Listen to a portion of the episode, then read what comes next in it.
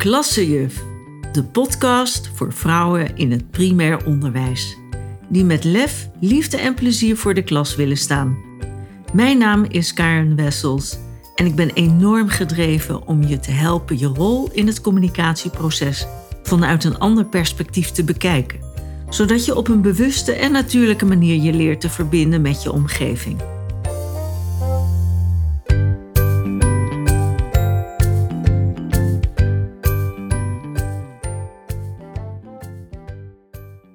Welkom terug bij deze reeks van korte afleveringen waarin ik je wil inspireren met ervaringen, tips en verhalen om beter en bewuster te communiceren, zodat je je kunt verbinden met je omgeving. En die verbinding begint bij jezelf, het contact met jezelf. Wanneer mijn kinderen vroegen om een boekje voor te lezen, dan kozen ze meestal die ze al vaker hadden gehoord.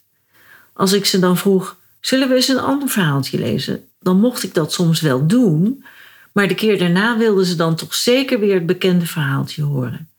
En misschien herken je dit wel. Dat verbaasde me en als ik ze vroeg: Waarom willen jullie dat nu weer horen? antwoordden ze: Die ken ik al.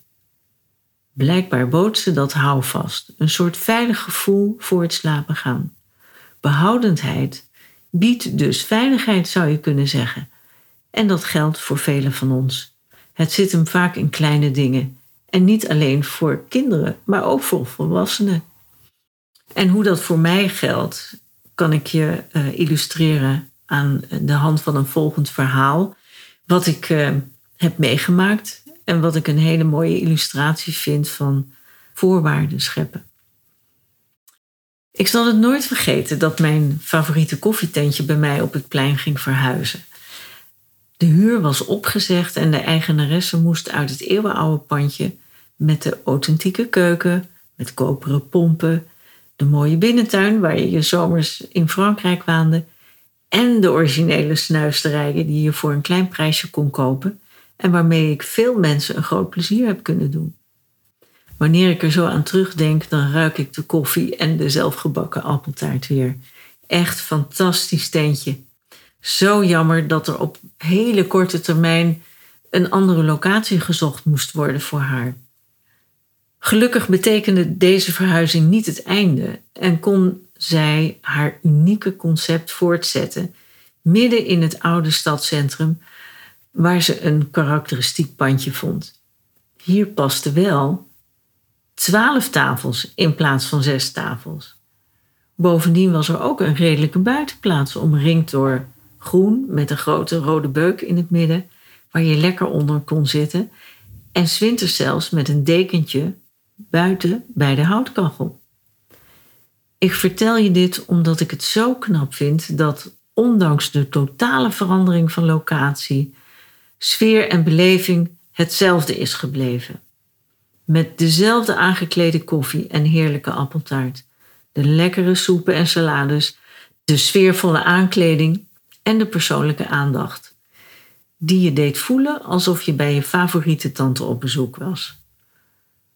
Ook de mensen in de bediening geven je nog steeds hetzelfde gevoel, die persoonlijke aandacht. Ze nemen de tijd voor een kort praatje en altijd bereid om je te adviseren omtrent menukaart of hiervan af te wijken als dat nodig is. Niets is te veel gevraagd. Nou, die oprechte persoonlijke aandacht is niet alleen heel fijn, maar ook heel bijzonder. En zeker ondanks de drukte of andere dingen die zoal gebeuren in een goed lopend lunchcafé. In mijn ogen is dat de ware kunst om je niet te laten afleiden, maar er helemaal te zijn voor de anderen in het contact, hoe kort ook. Het zal je niet verbazen dat inmiddels dit een heel populair tentje is geworden. Ondanks het feit dat je nu je tafel moet reserveren, is de ontvangst nog steeds heel hartelijk en de bediening persoonlijk. Hierdoor is mijn herinnering aan het vertrouwde cafeetje overgegaan in eenzelfde soort vertrouwdheid, alleen op een andere locatie. Erg knap en ik vind het een mooi voorbeeld om voor ogen te houden dat veiligheid vooral ook te maken heeft met dit soort elementen, met dit soort kleine dingen. Dus ga voorwaarden scheppend te werk en geef de ander een comfortabel gevoel. Zoals ik je net heb verteld, kan dat op een hele eenvoudige en natuurlijke manier. Ook jij kunt dat.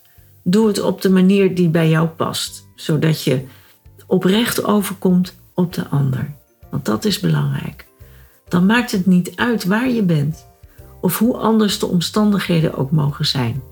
Je biedt die veiligheid, omdat je die in je draagt.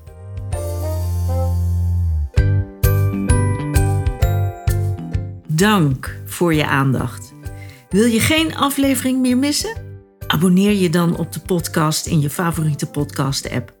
Meer weten? Kijk dan tussen de show notes van deze aflevering. Graag tot de volgende keer.